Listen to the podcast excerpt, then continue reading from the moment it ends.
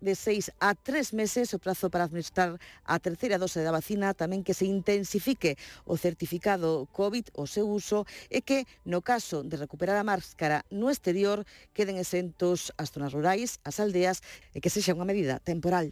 Grazas, Rocío. Tentaremos eh, coñecer máis detalles a partir das 10. Eh, daremos máis información no, na crónica. O mércores eh, lembramos eh, o día no que centramos o foco na divulgación científica da man de Manuel Vicente eh, efervesciencia. Estamos habituados a escoitar os casos de éxito dos grupos de investigación, pero rara vez chegannos os pequenos e grandes fracasos dos investigadores. Manuel Vicente, moi boas noites. Boas noites, Oselis. É certo, e ás veces é tan interesante coñecer o resultado triunfal dunha investigación como saber dos atrancos que se atopan os investigadores na vida real. E algo diso vos sabemos contar nas historias de ciencia e innovación que vos traemos esta noite.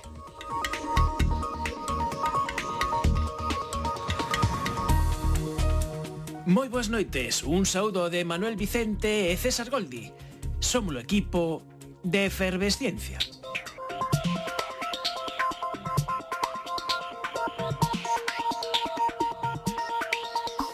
O mellor xeito de ter unha boa idea é ter unha manchea delas.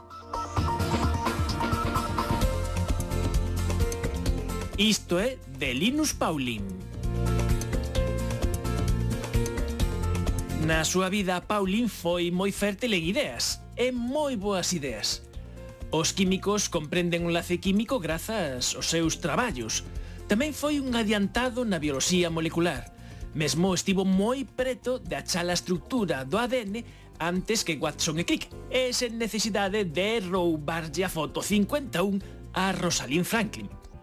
Tamén estudou os reloxos moleculares, que é algo do que falaremos hoxe, e ata traballou en mobilidade eléctrica. Así, Linus Pauling chegou a gañar o Premio Nobel de Química en 1954 e o da Paz oito anos despois polo seu activismo en contra das armas nucleares. Con todo, hai un gran pero entre as abondosas ideas de Linus Pauling. A súa defensa a ultranza e sen evidencia algunha das supostas bondades da vitamina C para curar todo tipo de doenzas, desde simples catarreiras ata o cancro. Os premios Nobel ás veces tamén poden quedar cegados por ideas pseudocientíficas que non teñen por onde collerse. Benvidos á efervesciencia, hai outros mundos pero están neste. Efervesciencia. Doses de ciencias en contraindicacións. Patrocinado pola FECIT, Fundación Española para a Ciencia e a Tecnoloxía, Ministerio de Ciencia e Innovación, unha colaboración da Universidade de Santiago e a Radio Galega. Co apoio da Xencia Galega de Innovación da Xunta de Galicia. Eh, estamos eh, con, con Eva Al eh, que, que está en Austria. Hola, Eva, que tal? Como estás? Hola, moi ben. Que estás eh, eh, eh, moi ben. Oh, lembraste cando estivemos aquí fai dous anos que fixen eu sí. un chiste bastante pouco afortunado, no? Visto en perspectiva, non? Porque fixeron un chiste sobre, bueno, falábamos de que eh, os movimentos de xenes e todo iso e eu dicía, "Si sí, isto é como as operadoras de telefonía móvil que agora se van ter que mover de Barcelona por culpa dun virus e tal." mira que profeta era eh, eu. Ai, cajo, min... Mira, eh, que, que tal por aí, por, por, por Gans? Que andas a facer?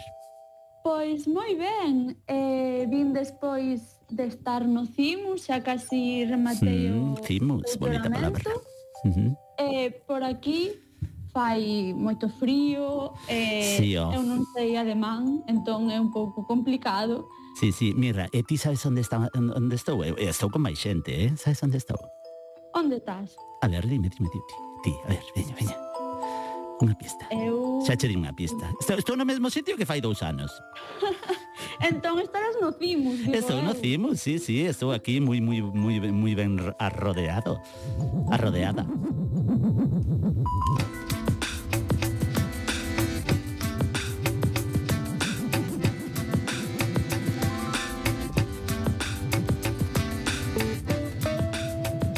tempo de conversa desta noite collemos a nosa grabadora portátil de efervesciencia, os nosos micros, eh, a nosa conexión a internet para virmonos ata o CIMUS da Universidade de Santiago. Estamos nun dos despachos dos profesores do CIMUS, concretamente con José Tubío. José Tubío, moi boas noites. Boas noites, que tal? Hai dous anos estábamos xusto neste mesmo despacho. E pasou o que dixo a boa, que falábamos dun virus que viña viíamos moi lonxe e as cousas que pasaron.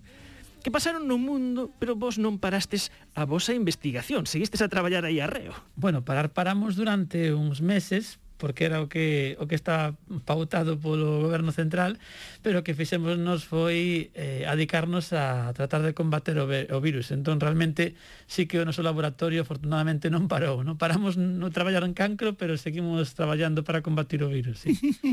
Lembrome dunha cousa que, que, que me fixe moita gracia de tu bio, que foi que ele empezou a súa carreira, ou descubriu a súa vocación, pois, eh, eh delinquindo, sendo un delincuente, non? Que él andaba de furtivo cos berberrechos e ali, bueno, pues, bueno, eh, falamos de cancro de berberechos, de unhas cousas flipantes, non?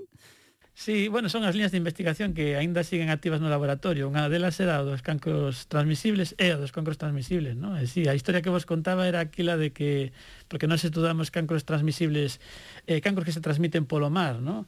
e, e que afectan a berberechos. E si aquel acto furtivo hai máis de 30 anos fora que me collera a Garda Civil con un par de bolsas de berberecho na, nunha das praias en Noia, sin Taramancos. Menos mal que te, que te soltaron. Menos mal, sí, menos mal que, bueno. Mira, as veces delinquir tampouco está tan mal. Ala. E, eh, e, eh, e eh, logo foi esa, esa historia que nos contou, eh, aí está a sección de podcast aí para repasar esas historias, porque hoxe contaremos esta noite outras, esa historia deses cancros transmisibles entre individuos, algo inédito na natureza, pero que sirve mm, como un moi bo modelo para estudar a metástase, de como eh, se transmiten estes cancros. Pero a nosa mesa non está completa se non acabamos presentando a Paula Tero. Paula, moi boas noites. Moi boas noites. Eh, ti es como a continuadora do traballo que estivo facendo Eva aquí no Cimbus antes de, de coller a mochila e ir a, a la para Austria. Sí, sí, tú viu sempre nos di que son a súa discípula, pois, pois a discípula logo.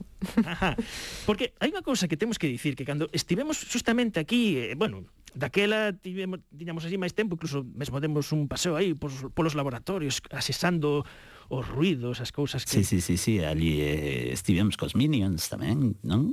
Os minions, que, que eran os minions, así repaso rápido. Pois son uns, uns secuenciadores moi pequeniños que prácticamente se poden levar nun, nun bolsillo ah. e que, que empregamos no noso día a día aquí no laboratorio. Uh -huh. Secuenciar porque este é o grupo de xenomas eh, e enfermidades. Entre as enfermidades nas que nos atopamos eh, comunmente na, na nosa sociedade está o cancro. E o que teñen en común as vosas investigacións e que sodes fans igual que a nós, eso xa dicimos sempre, de Bárbara McClinton, a señora esa que estudou estes senes altaricos elementos do xenoma que non queren estar sentados nun sitio que van dun lado para outro.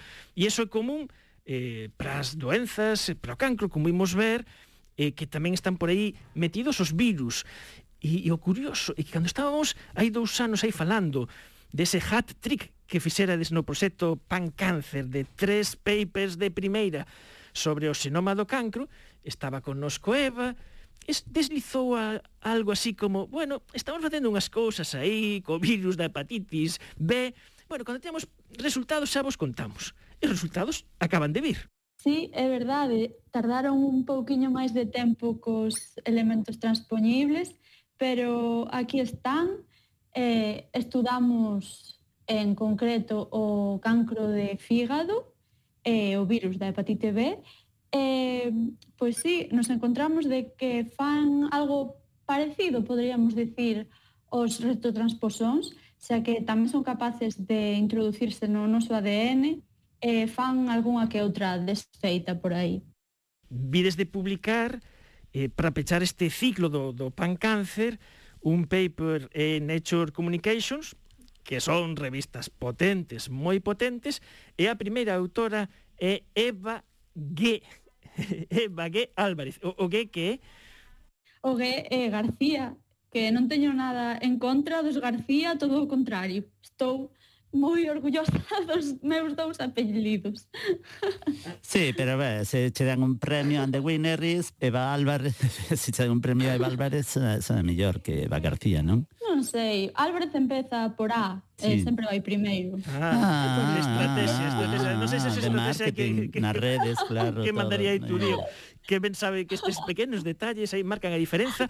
Primeira autora deste, deste traballo, que se queredes debullamos un, un chisquiño, porque o que fan o, o virus da hepatitis B e, e fai unha cousa ben interesante, que as nosas... Mm, o, o xenoma das nosas células, cando se dividen, pois eh, pasa a, as células que eh, das que son fillas.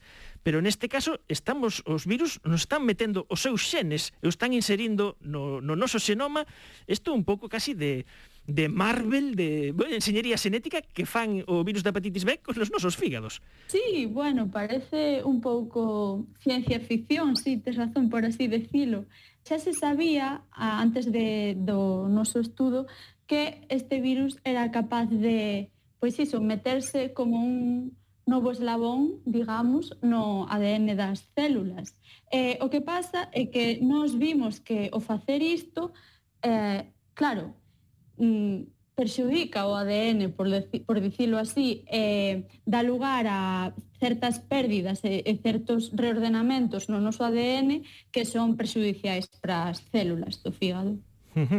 Ou seja, que aí o, o problemático non é eh, os xenes que, que se insiren, esa transferencia que se chama aí horizontal, senón que mm, fai que todo ese equilibrio que, que temos no noso xenoma se veña abaixo e, e que ademais que faga unha desfeita total, desfeita, pero mm, vos o que vistes precisamente esa desfeita, non? Analizastes, non? Sí, sí, porque iso o que encontramos foi que en certas partes, eh, por exemplo, digamos que eh, elimina partes do noso ADN. Eh, en algúns casos, estas partes conteñen xenes que son os encargados de protexer as células, por dicilo así, de des desenvolver cancro. Entón, eh, pois, os xenes o desaparecer, a célula pode, digamos, eh, evolucionar a, a favor do cancro, eh, e así é como ocurre, uh -huh. máis ou menos. Claro, porque nese equilibrio de, de xenes, hai xenes que son xenes que fronte ao cancro eh, funcionan para lanzar ese sinal de stop, son xenes que din, ollo, evitamos esa pro proliferación descontrolada, hai outros xenes que son xenes pisa acelerador, E o problema é que, claro, que uns están relacionados con outros, hai xenes que son como directores de orquesta que dirixen a outros, ese. Claro, aquí o virus da hepatitis B eh, mete man nestes, eh, nestes cenas que, que están dicindo eh, para de pro, proliferar estas medidas de seguridade é como se estás nun ascensor e desconectas o sistema que evita que, que se rompe a corda caigas. E claro, se pasa eso, ese é o proceso que desen, vai ao final desencadear eh, eses cancros de, de fígado neste caso. Sí, exactamente. De feito, outro dos das digamos, dos descubrimentos máis importantes deste artigo é que estas integracións, ou seja, que o, cando o virus métese no ADN da célula humana, isto ocorre eh, moitos anos antes, en ocasións moitos anos antes de que se diagnostique o cancro. Entón, creemos que é un evento moi importante e digamos que é como un dos principais eventos que dan lugar ao desencadeamento do cancro. Que listos son, que, que listos son os virus para facer o mal, non? Sí. Por iso, sentidiño, sentidiño, xentiña, sentidiño que se canto menos circulen os virus, menos aprenden, eh? Mm. Menos circulen os virus e aquí, claro, o problema é que eh, o virus da hepatitis B é un virus mm, latente que hai unha porcentaxe da poboación moi importante que o ten sen sabelo, de, de feito, eh, falábamos do caso de, hai un par de anos eh, o premio Nobel fora precisamente para os descubridores do virus da hepatitis C eh, pero nos, nos serviu cando falamos co, con investigadores para saber un poquinho o que está pasando e o problema é que eh, ese dano é un dano que se acumula moito tempo o o, o fígado o que ten esa capacidade de repararse pero non é perfecta, entón é cando forma esas, esas cicatrices non, non queda ben esa, pode acabar esa fibrose esa e, e logo o, o virus, o que lle pasa incluso a xente que bebe, que o maltrata, ten esa cirrose e logo aí pode aparecer o cancro. O que pasa que aí, como ben dice, un proceso que tarda moitos anos, eh, eh, eh José, eh, hubo unha comunicación aí do resultado do vosso paper aí a veces algún malentendido con esos 20 anos eh, dos, dos que falaba Eva nos sí. que detectastes que, que acontece isto. É un erro bastante recurrente porque xa pasou tamén hai dous anos cando fora do pancáncer, no? Eh, cos resultados generais do pancáncer, que se conseguía o que se fixo foi que se desenvolveron métodos estadísticos e informáticos para poder datar con certa precisión cando ocurren estes eventos que son importantes no, na orixe e no desenvolvemento do cancro. Entón, pois, algúns medios de comunicación interpretaron incorrectamente este feito como que como que en troques de, de, de, de comprender que o que ocorre simplemente que nós o que vemos é que estes eventos ocorren moito antes de que se diagnostica o tumor, a veces dúas décadas antes, pois o interpretaron como que eh, imos ser capaces de diagnosticar o que somos de feito capaces de diagnosticar un tumor 20 anos antes de que ocorra, cando non é certo. Para que iso poda ocorrer, pois hai que desenvolver técnicas de detección, eh, prematura de un tumor. No? Os en día está desenvolvendo, por exemplo, a biopsia líquida. Entón, pois é posible que nun futuro a biopsia líquida sexa capaz de facer estas cousas gracias a que non somos capaces de detectar estes eventos. Pero, na actualidade, pero, bueno, é un percorrido que ainda hai que facer.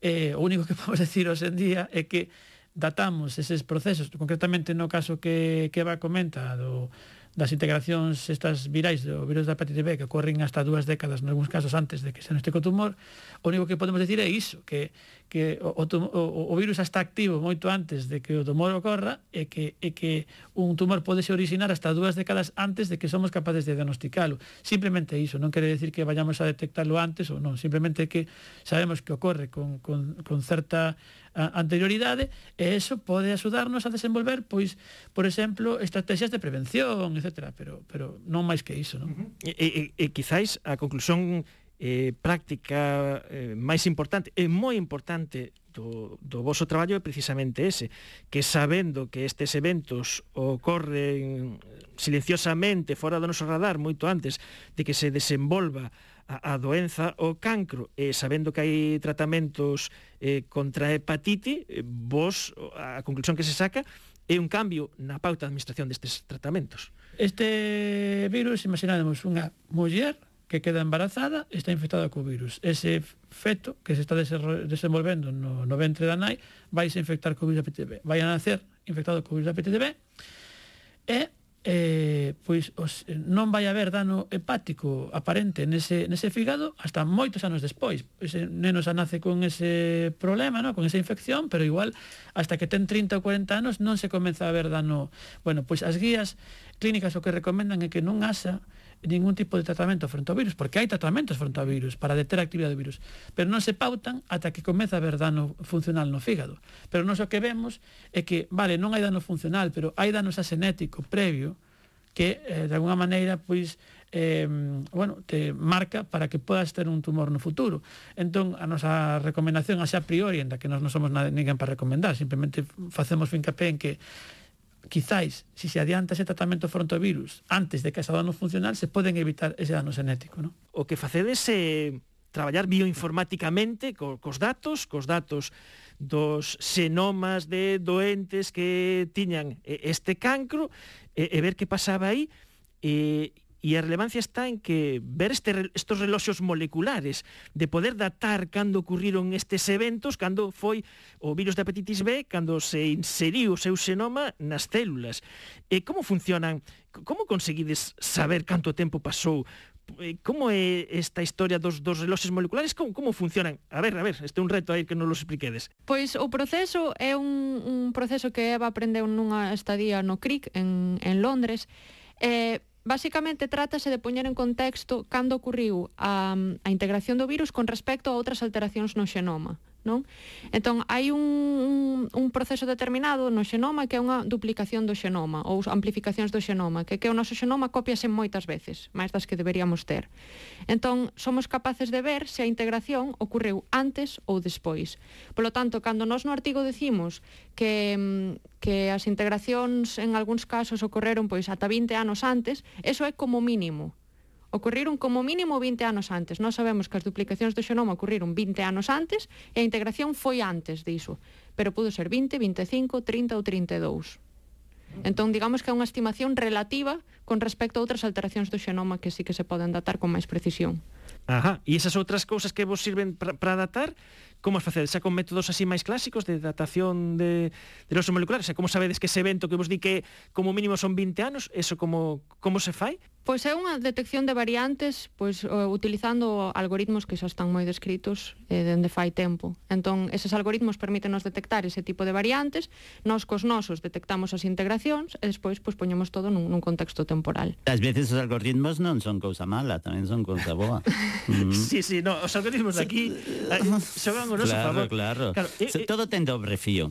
Claro. Uh -huh. Eu Eh, eh, o que polo que polo que vin do tema este dos, dos reloxos moleculares, a ver se si esta metáfora funciona ou non, a ver vos que me dicides así por entender un poquiño.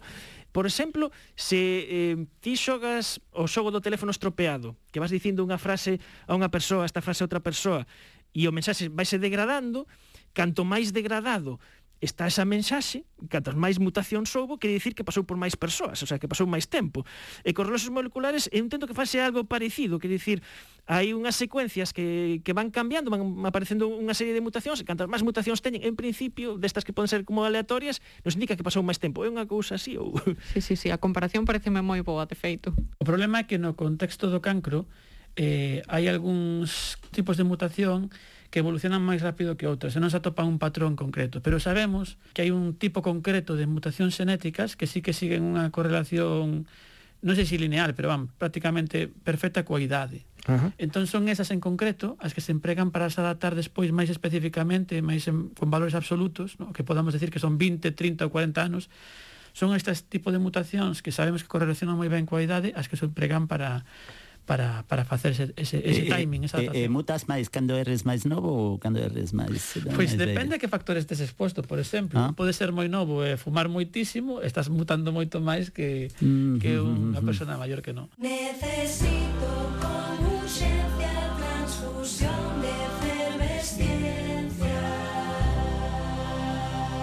cambiando de tercio e tal.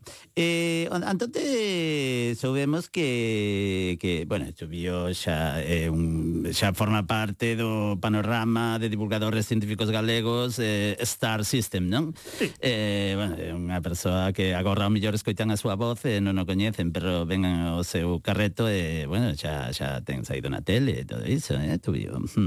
e ademais, enterrámonos de que eh, recibiches, Antonte, un premio que te fixo moita ilusión canción e levaches os parabéns de moitos compañeros e personalidades e tal.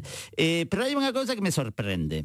Mm, mira, o, o premio, vamos, vamos a ir ao premio que é o Premio Nacional de Investigación en Cancro Doutores Dice Pintado.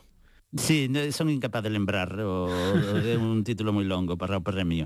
Pero o que me sorprende é que este Premio Nacional de Investigación que Dice Pintado é para investigadores novos Menores de 50 anos. A ver, de eh, 45.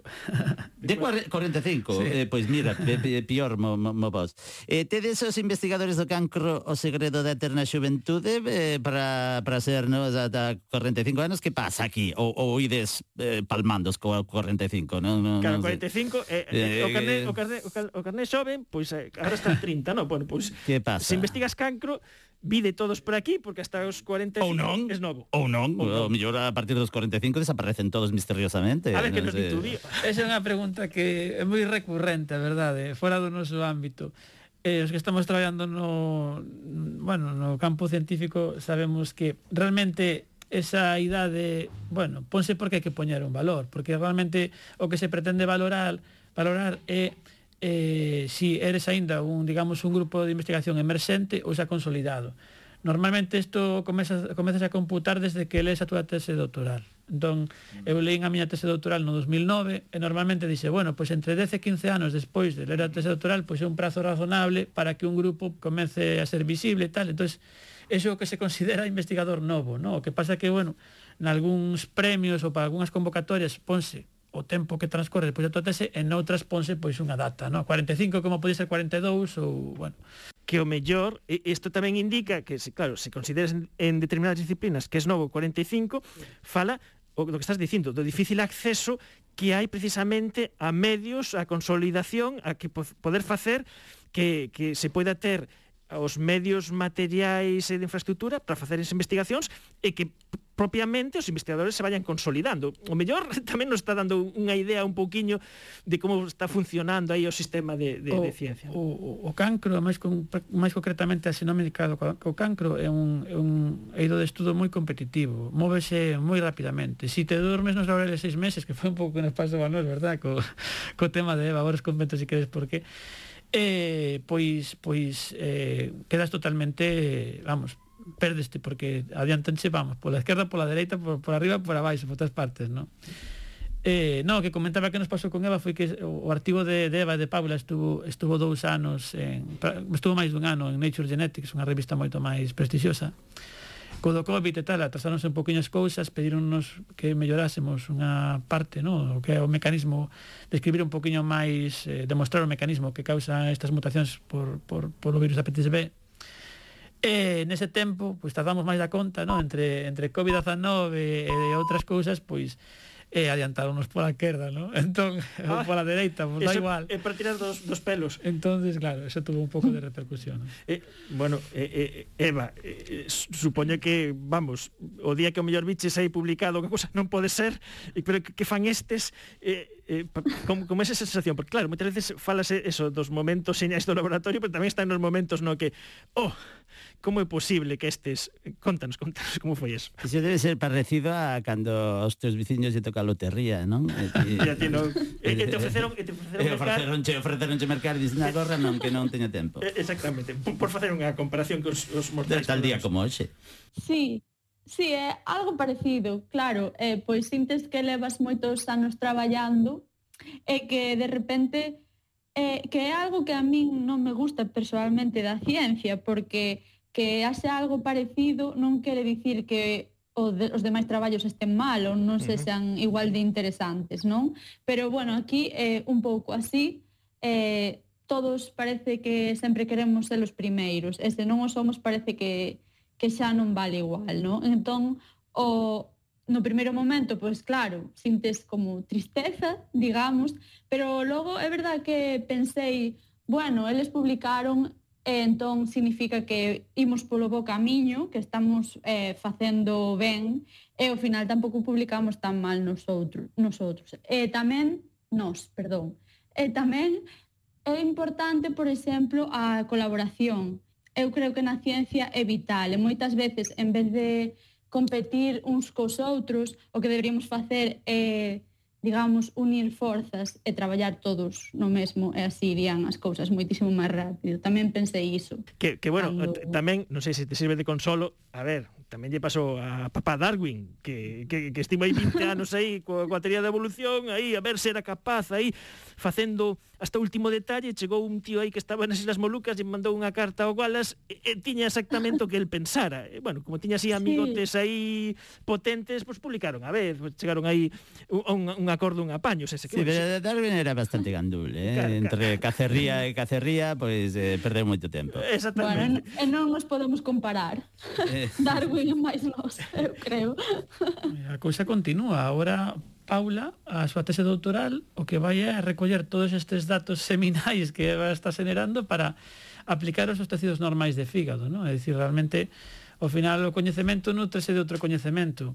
Eh, o bonito de todo isto que estamos vendo é que é coñecemento que está generando dentro do noso laboratorio, ¿no? eh, que vai a servir para que se forme máis xente, esperemos que durante moito moito tempo. ¿no? Porque eh, no que falamos agora, vos facedes tedes eh, estudiastes eh, nestes as vosas mostras que analizades bioinformáticamente son de cancros eh, de fígado e conseguides grazas ao traballo de Eva ir para atrás no tempo e ver que pasaba aí.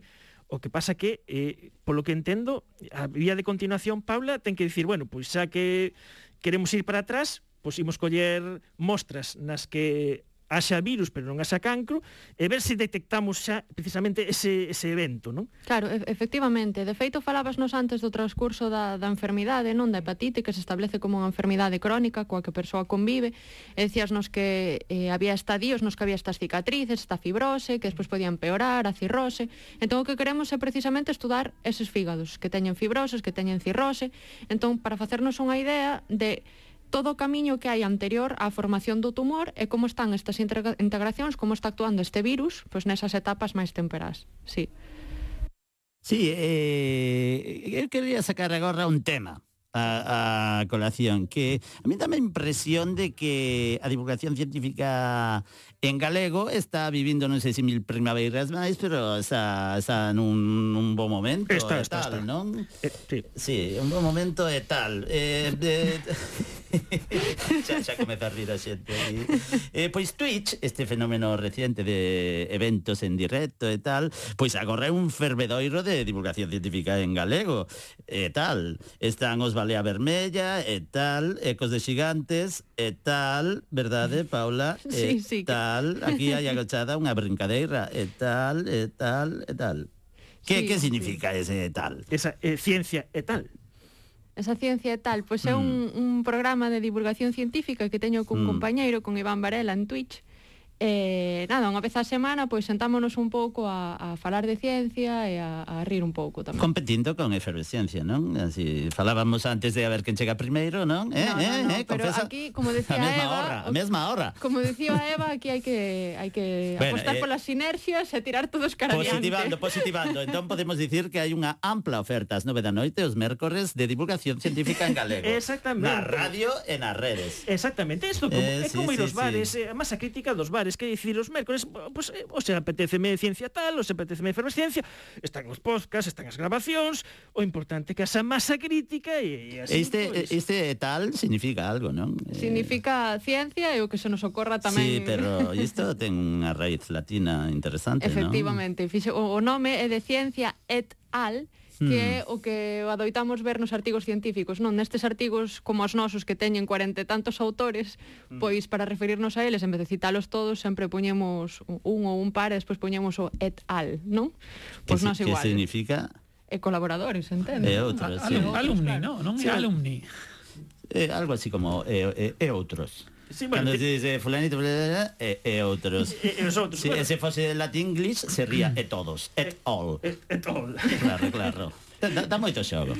Pois así coñecemos o, o proxecto de ciencia e tal en Twitter, en Twitter, en Twitch, perdón. En Twitch, Twitch. En Twitch, eh, o Twitch galego aí é un fervedoiro de, de mentes brillantes mil primaveiras para a divulgación galego e estivemos encantadísimos de devolver uh, o, o Cimos eh, unha vez máis sí, e, sí, sí. eh, para contar estas cousas para contar ese spoiler que nos lanzara Eva hai dous anos dicindo, bueno, facemos unhas cousas aí con hepatitis B pero bueno, xa veremos cando se publique esas cousas Eva... E, e parafraseando a, a, a propio programa de efervescencia hai outros virus eh, tamén seguen neste mundo. Eh, tamén seguen neste mundo.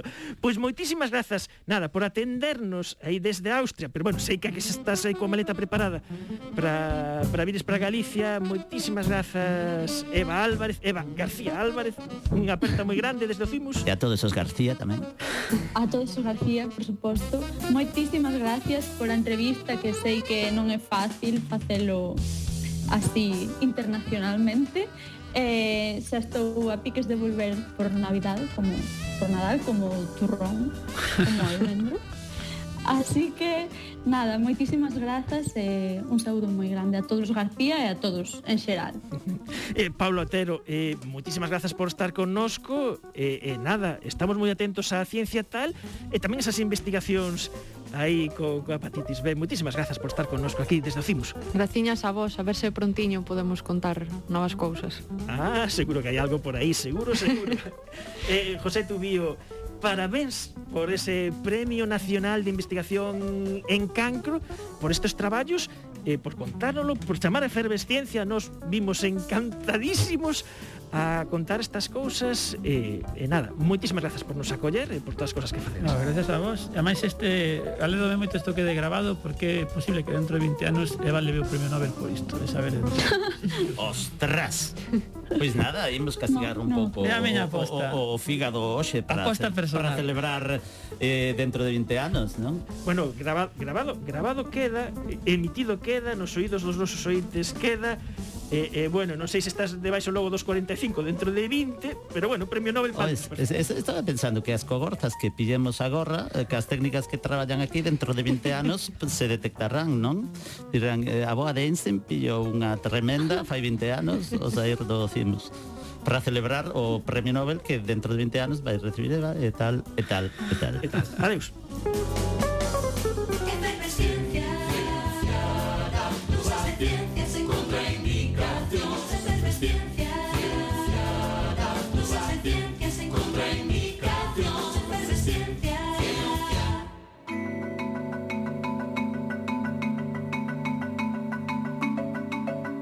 A innovación é fundamental para todas as empresas, pero tamén para as pequenas e medianas empresas, que son o motor da economía de Europa e tamén de Galicia. Patricia Algerei, moi boas noites. Moi boa noite a todos e a todas. Patricia Algerei é a directora da Asencia Galega de Innovación, o GAIN. Esta noite imos coñecer cale o programa de impulso a innovación nas PEMES 21-22. Patricia, en Galicia, cales son as ventaxas que teñen as nosas PEMES a hora de facer eh, innovación e cales son os atrancos que atopan, cal é a cara e cal é a cruz? As PEMES galegas teñen eh, eh vantaxes agora de, de enfrontarse á innovación, como son a súa flexibilidade ou procesos de toma de decisión que ás veces pois eh, son máis sinxelos, eh, que noutras empresas de maior dimensión, pero eu hoxe quero destacar sobre todo esa posibilidade de contar coa Axencia Galega de Innovación como aliado e como apoio para para, para empezar a innovar en moitos casos. Dende a Axencia puxemos en marcha un programa de impulso a innovación nas PEMES que inclúe múltiples eh, actuacións que desenvolvimos neste ano 21 e que vamos a seguir desenvolvendo o próximo ano E penso que vai a ser unha oportunidade e unha axuda importante para as PEMES para que atopen neste contexto actual de transformación pois unha oportunidade para, para ser máis competitivas a través da innovación. Penso que unha vantaxe dende logo para todas as PEMES, non só as galegas, é a colaboración. A innovación non se entende sen colaboración e en Galicia temos un ecosistema de innovación eh, moi rico e con moitas capacidades, eh, eh, moitas empresas eh, colaboran con outras empresas ou con centros de coñecemento para desenvolver os seus proxectos. E isto é un pouco a cara, claro, efectivamente hai unha cruz, como ti decías, eh, Manuel, E a cruz, pois é que ás veces as empresas non innovan pois por múltiples motivos, por medo, polos custos eh, elevados que supón ou que pode supoñer a innovación, porque non saben se si esa innovación vai a funcionar, e o, o certo é que a innovación ás veces eh, falla. E, e a verdade é que moitas veces pois o tamaño das empresas é tamén un obstáculo. Pero a min gustame decir, e eh, o repito, eh, habitualmente que a innovación non é para as grandes empresas, non é para Google. A innovación está ao alcance de todas as empresas, da igual o tamaño da igual a localización e, por suposto, dá igual o sector. Todas as empresas, todas as pequenas, eh, as microempresas poden e deben innovar. E coa idea de vos achegar precisamente a, as PEMES alá onde estean en calquera parte, eh, montastes eh, literalmente un tráiler que xa empezou a percorrer o país eh, facendo a posta en marcha desta iniciativa os camiños da innovación. Bueno, pois eh, literalmente percorremos eh, Galicia, percorremos 18 concellos, tiñamos un obxectivo eh, que penso que conseguimos e era que queríamos acercar a Axencia Galega de Innovación ao territorio porque o certo é que o coñecemento, a innovación se concentra moito en torno aos núcleos urbanos, pero eh, en Galicia pois hai moitas Galicias. Eh, percorremos, como digo, 18 concellos, estivemos visitando as PEMES deses concellos, onde fixemos asesoramentos nese tráiler, Eh, tamén mantivemos encontros con PEMES eh, nas que participaron pois eh, numerosas empresas, eh, levamosles casos de éxito, casos de éxito ademais da contorna, porque a nós parecenos que é moito máis interesante escoitar ao veciño da, da, da outra rúa ou ao veciño do Concello do Lado eh, que xa eh, tivo éxito innovando e iso era o que, o que pretendíamos eh, levar. Fixemos preto de 250 asesoramentos, eh, levamos eh, 65 empresas que contaron eh, a súa experiencia coa innovación, Eh, e elevamos tamén pois eh, pois materiais formativos, eh, estivemos pois eh, coas, coas empresas, coas empresas do entorno, coñecendo as súas necesidades, asesorando, sensibilizando sobre a importancia da innovación. Escoitaremos eh, logo desta conversa precisamente un deses casos de éxito local de innovación de pequenas e medianas empresas de innovación e que logo transmitiron a súa experiencia ou a súa contorna. E, e, estad atentos, isto será dentro dun anaco. E precisamente os camiños da innovación e o primeiro es, eixo precisamente deste programa de impulso á innovación nas PEMES 21-22. E tamén estades a impulsar as redes locais de innovación. Pois sí, efectivamente, eh, queremos seguir eh, traballando nesta liña, queremos seguir traballando no territorio, en todos os recunchos de Galicia, porque a innovación é para todos, é para todo tipo de empresas. E, por tanto, vamos a seguir eh, traballando neste caso con entidades comarcais que teñen unha alta representatividade e que, ademais, son moi dinamizadoras nas súas eh, áreas de influencia. Así que imos a traballar pois cos grupos de desenvolvemento rural e tamén cos grupos de acción eh, local de pesca, tamén coas confederacións de empresarios provinciais. E vamos a seguir pois eh, achegándonos ás empresas no territorio para coñecer eh, as súas necesidades para adaptar o que podemos facer dende a Xencia Galega de Innovación a esas eh, demandas que nos fan e, por suposto, para eh, trasladarlles todo o coñecemento en torno á innovación e animalas, animalas, quitarlles o medo e trasladarlles o relevante que é innovar porque é o único xeito de manter a competitividade eh, das empresas. Por tanto, vamos a seguir vamos a seguir percorrendo Galicia, seguro. E, e as PEMES, unha vez que eh, se enrolan eh, neste mundo da innovación, o primeiro que demandan é formación. Que lles ofrecedes desde Gaín? Bueno, pois efectivamente puxemos en marcha eh, moi recentemente estas actuacións non de innovación. Fixemos sete cadernos que chamamos os cadernos da innovación, que son pois eh, unhos folletos moi sinxelos eh, que de, dun xeito moi práctico eh, nos axudan a a, a impulsar a innovación nas nosas empresas, pois coas preguntas que son adecuadas, coas metodoloxías que poden ser máis útiles ou cos pasos eh, que se poden dar para chegar a, a, a esos obxectivos que a empresa se marca.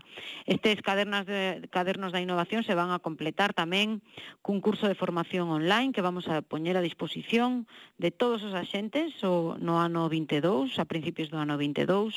Vamos a facer boletins mensuales mensuais de formación sobre aspectos prácticos da innovación, E ademais temos, e isto pois tamén creo que é importante, temos o CIS Tecnoloxía e Deseño, que está en Ferrol, que depende da Axencia Galega de Innovación, onde poñemos a disposición de todos un servicio de vixiancia tecnolóxica, saber o que fan os nosos competidores é fundamental, e vos podemos axudar, podemos axudar as PEMES eh, tamén nesto, Eh, temos eh, tamén eh, a Materioteca de Galicia, no CIS Tecnoloxía e Deseño. Eh, materioteca que nos permite innovar empregando materiais eh, materiais diferentes, materiais eh, que teñen características eh, excepcionales, características singulares, e penso que tamén é, é un elemento interesante para a innovación das nosas PEMES. E temos tamén un servizo eh, por parte do IGAPE, o IGAPE responde que está eh, tamén focalizado neste obxectivo, de xeito que, bueno, pois son, son moitos os recursos. E a min me gusta tamén eh, decirlles ás empresas, e yo trasladei pois en neses 18 concellos que visitamos, que a Xencia Galega de Innovación está ao seu carón, está para, para escoitar os proxectos e as demandas das empresas. E cando coñecemos eses proxectos podemos asesorar, podemos acompañar e podemos orientar. Eh, temos tamén apoios públicos, pero o obxectivo deste programa é eh, Eh, subliñar a relevancia, a necesidade de innovar. Os eh, apoios públicos virán despois, eh, por suposto, os poñemos a disposición de todos os axentes, pero queríamos ir un paso máis atrás e trasladar, como digo, as nosas pequenas, as nosas microempresas que a axencia lles pode axudar. Está ese acompañamento e está tamén a, a idea de coñecer cada vez mellor cales son as necesidades de innovación das PEMES e sobre todo, como ben dís, nun mundo tan cambiante. Como poñedes o radar para saber un pouco que se necesita? Bueno, pois é fundamental. Escoitar é fundamental, é a base de calquera política pública, dende logo. Para nós esta oportunidade, este camiño da innovación, pois eh, nos permitiu pisar o terreo, conectar directamente coas empresas e, como digo, reco eh, recoller as súas inquedanzas, as súas demandas e identificar así mellor que pancas podemos poñer dende a Axencia Galega de Innovación para eh, darlles resposta ás súas necesidades. Isto eh, no que ten que ver pois cun nivel máis micro, non, co que co que nos demandan eh, directamente as empresas, pero tamén eh, a un nivel máis estratégico, pois eh, imos a crear un observatorio da innovación que penso que pode ser unha ferramenta moi útil que nos vai a permitir, pois, lóxicamente, eh, analizar como evolucionan os indicadores de innovación, que está pasando coa innovación nas nosas PEMES, como vai, eh, por donde vai, tamén identificar tendencias e anticiparnos a esas tendencias e poñelo a disposición do ecosistema e, por suposto, pois, eh, coñecer eh, como... Eh, como son de útiles os instrumentos que despregamos dende, dende a Xencia Galega de Innovación, si sirven, si funcionan, si son útiles para as empresas. Eh, ter un, un radar eh, posto aí é fundamental, porque só así se pode corrixir pois eh, esa política pública só así se pode adaptar mellor a, ao que eh, requiren as PEMES neste caso. Como dicíamos ao principio, as PEMES son o motor da nosa economía e tamén poden innovar. Patricia Argerei, directora do GAIN, Asencia Galega de Innovación. Moitísimas grazas. Pois moitas gracias tamén a vos.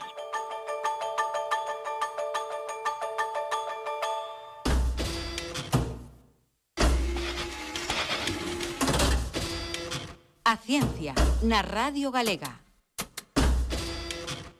Unha das empresas que teñen participado en Camiños da Innovación e que subiron a ese, non sei se a ese tráiler ou a ese proxecto para comentar a outras empresas como é a súa innovación foi Ecoplas Barbanza. Anxo Vidal, moi boas noites. Boas noites, que tal? Moi ben, Anxo Vidal é responsable de negocio de Ecoplas Barbanza. E vos participastes na edición de Caldas de Camiños da Innovación. Sí, estivemos en Caldas un pouco contándolle a todos os, as empresas presentes calera a nosa experiencia no mundo da innovación e trasladándolle pois quen é quen dentro deste ecosistema que é a innovación en Galicia e a un pouco a nosa trayectoria e recorrido. Podemos explicar cal é o caso de Coplas Barbanza, porque sodes unha empresa nova de 2006, pero xa levades unha chea de proxectos e a cousa empezou eh, fabricando eh, plásticos para mallado de mesillóns. Sí, nós nacemos na Pobra do Caramiñal, na Ría de Arousa, vinculados moito ao sector do, do mar, eh, sobre todo para o, para o envasado de marisco e de mixillón, e de mixillón, e un partir, a partir de aí un pouco fomos crecendo, fomos crecendo a nivel comercial, eh, exportando a outros países e vendendo en outras partes de España, pero tamén fomos crecendo a nivel de innovación. O primeiro proxecto que fixemos foi alá polo ano 2007, 2008, mm, co grupo de polímeros da Universidade de Coruña aínda non existía aínda non existía a Axencia Galega de Innovación e foi eh, recordo o título que era bases para o cultivo de mexillón con polímeros intelixentes. Entón o que pretendíamos era que as algas, eh, o fouling que lle chaman, no, no, non se prendese das bolsas dos sacos de mixillón, os deixara respirar mellor, entón reducir a mortandade. E a partir de aí, pois o que nos fomos plantexando sempre é estar presentes en un proxecto de innovación. É dicir, cada ano temos que polo menos estar estar nun proxecto de innovación. Hai proxectos que sí que son éxitos e que podemos trasladar ao mercado ou, ou como se trata de innovación hai veces que as cousas non salen tan ben como pensábamos anos ou o resultado non é o agardado, pero realmente pois o aprendizaxe sempre sempre queda aí e nos fai e nos fai mellorar. Pois se queres podemos dar un exemplo de cada, un exemplo de un proxecto que ao final non acabou saindo ao mercado, pero que vos fixo aprender cousas e un exemplo de cousas de proxectos que vos fixeron posicionarvos e presentar novos produtos? Pois mira, un exemplo eh, que tampouco foi un fracaso, porque non considero para nada fracaso dentro do, do ecosistema de innovación, foi o, o Plus Fiberbook, que foi un proxecto que levamos a cabo con empresas do sector da automoción e máis con FINSA, donde se trataba, pois a nosa parte dentro deste proxecto era facer envases de malla para o cultivo de mixillón ou para o cultivo de outros mariscos ou envasado, cunha mezcla de plástico madeira, Eh, o resultado en extrusión, eh, en inxección, que é unha, son dúas técnicas que existen, foi positivo para, para as empresas do sector da automoción, porque estaban buscando salpicadeiros que non todos foran iguales e, e puderase diferenciar con ese aspecto noble que lle dá a madeira, pero con esas características positivas que ten o plástico, pero nos a nivel de extrusión, pois o produto que hai, o produto que conseguimos non era non era de todo vendible por comercial, por dicirlo de algunha forma. Aprendemos moitísimo, codeámonos con empresas da automoción, codeámonos con empresas grandes como Efinsa, eh, sendo nós unha PM aprendemos sobre todo un pouco como, como se moven eh, estruturalmente estas empresas, como afrontan os proxectos, é verdad que aínda que o resultado comercial non foi o, o agardado, pois a experiencia está aí. E pois a, en términos positivos, un dos moitos proxectos, por exemplo, Via LAC, que, eh, que levamos a cabo nos Coneta, nos Coneta PEMA anterior, unha convocatoria unha convocatoria de Gaín, donde partindo de suero de suero de leite, de produto lácteo, pois sacadamos eh, a fabricar a fabricar malla. Entón, isto é unha malla, unha malla biodegradable, un plástico biodegradable. En esta línea de traballo levamos moito tempo traballando. Nós temos unha alta concienciación medioambiental, este foi o último proxecto que rematamos mm, nesta liña de plásticos biodegradables que tan de moda están agora. Porque aí unha característica, e coido que común de todos os proxectos de innovación que levades a cabo é que os facedes en como coordinación con outras institucións, con outras empresas e con eh, centros de investigación. Por exemplo, neste Biolac eh, eh, está unha empresa que tamén é moi innovadora que é Inolat que fai o, o que es creen este. Correcto, estábamos justamente con eles, con, con Questcren. A parte, a parte dunha enxeñería, eh, e a parte, bueno, o grupo da dous grupos da, da Universidade de Coruña, que nós íbamos subcontratados era outra vez co co grupo de, de polímeros da, da Universidade de Coruña, entón, que están no campus de Ferrol.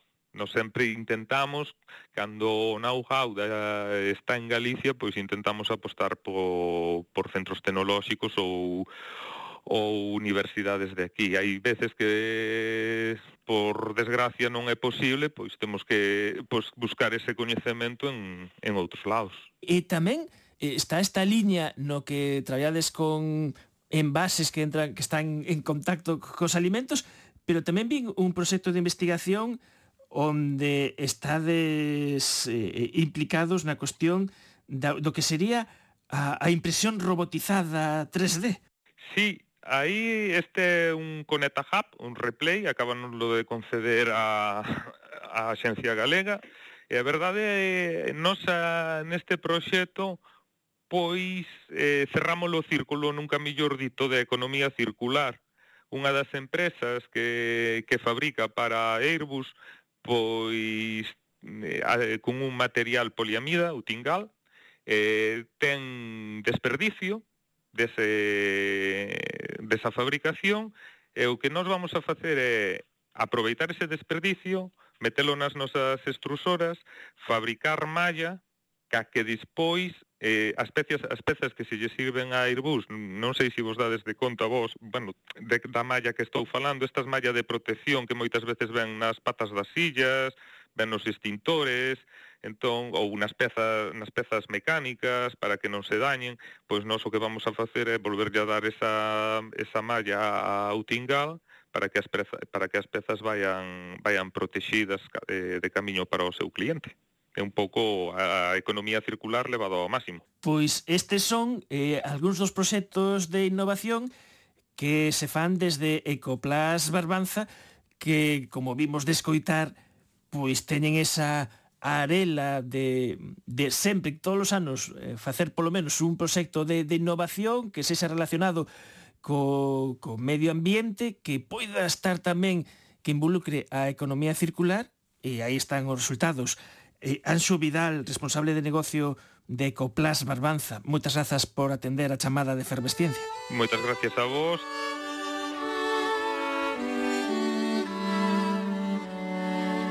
Efervesciencia. Patrocinado pola FECIT, Fundación Española para a Ciencia e a Tecnoloxía, Ministerio de Ciencia e Innovación, unha colaboración da Universidade de Santiago e a Radio Galega. O apoio da Xencia Galega de Innovación da Xunta de Galicia. Este sábado 25 de Nadal, o mediodía ás 12, teremos un especial de efervesciencia na Radio Galega. Que teñades moi moi boas festas. Coidados. Adeus. Adeus.